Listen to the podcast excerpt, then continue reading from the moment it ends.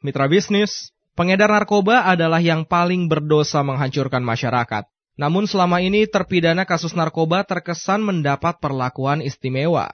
Penyelundup narkoba asal Australia, Shempel Corby, diberi keringanan hukuman oleh Presiden SBY sebanyak lima tahun dari vonis 20 tahun penjara.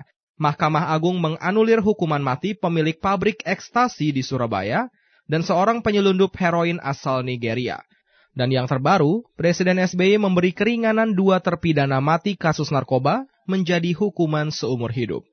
Untuk membicarakan hal tersebut, saat ini kami telah tersambung dengan penyanyi Ikang Fauzi. Mas Ikang, apa komentar Anda melihat hal ini? Iya, sebenarnya kalau kejahatan narkoba ini khusus buat pengedar sama produsennya itu tindak kejahatan pidana yang paling berat ya saya setuju bahkan untuk kasus-kasus tertentu dihukum mati gitu loh. Selain dihukum mati juga dipermalukanlah eh, apa ya perbuatan dan akibat dengan keluarganya dan juga seperti itu gitu agar dari pihak keluarganya juga bisa menyadarkan bahwasanya itu bukan suatu pekerjaan yang baik justru itu membunuh banyak orang. Kalau kita sadar apa yang dilakukan oleh pengedar sama produsen narkoba itu ya sama jahatnya dengan seorang yang membunuh lebih dari 50 eh, orang kali ya kan karena dia bukan membunuh orang itu tapi membunuh juga sumber nafkahnya gitu. Kalau seandainya orang itu yang dia dia korbankan pelaku pencari nafkah. Jadi saya sangat tidak setuju kalau seandainya gerasi diberikan ya mungkin ah, itu faktor eh, apa negosiasi politik. Tapi menurut saya saya lebih setuju itu apa yang dilakukan oleh Singapura. Ya. Dia konsisten gitu loh karena memang dia sama-sama kita bersepakat bahwasanya narkoba itu musuh utama. Itu aplikasinya seperti itu baik presiden maupun hakim dan sebagainya harus memberikan hukuman seberat-beratnya kepada uh, pelaku utama narkoba. Kalau ada cerahnya, karena narkoba itu adalah bisnis yang paling besar. Jadi ini sangat memungkinkan sekali. Jadi sangat masuk akal kalau masyarakat menilai itu perilaku yang korup gitu loh. Karena narkoba itu bisnis yang sangat besar. Memungkinkan sekali uangnya itu bisa membayar hakim, bayar oknum-oknum tertentu lah yang menjadi sumber kebijakan gitu. Selama itu terjadi ya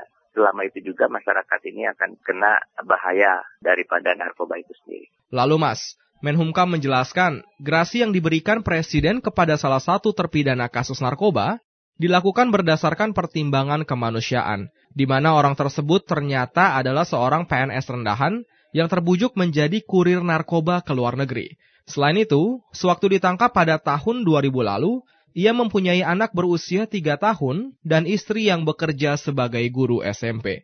Bagaimana Mas menilainya? Saya pikir kondisi seperti ini pertama harus dipukul rata ya. Jadi jangan sampai karena kalau bicara orang-orang yang panik ya karena tidak mempunyai penghasilan yang cukup itu banyak sekali. Apakah semua itu boleh lari ke menjadi produsen narkoba gitu? Kalau kondisinya memprihatinkan. Saya rasa jawabannya jelas tidak. Jadi faktor kemanusiaan itu nggak bisa dipakai untuk hal-hal seperti itu.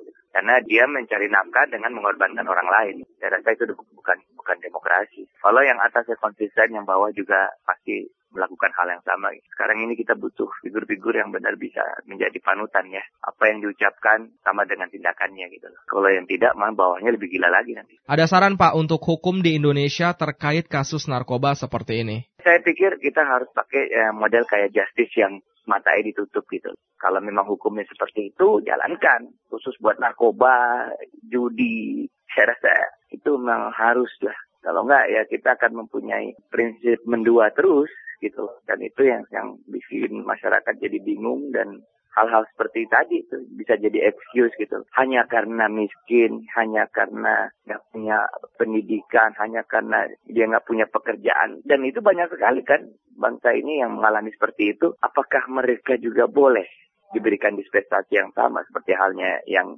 diberikan itu? Jawabannya jelas tidak gitu. Jadi kondisi seperti ini harus di stop mulai sekarang. Hmm. Jadi negara ini harus punya suatu ketegasan, harus jelas aturan mainnya, jelas antara komitmen peraturan, hukum, dengan tindakannya. Demikian penyanyi Ikang Fauzi, saya Wendy Lim.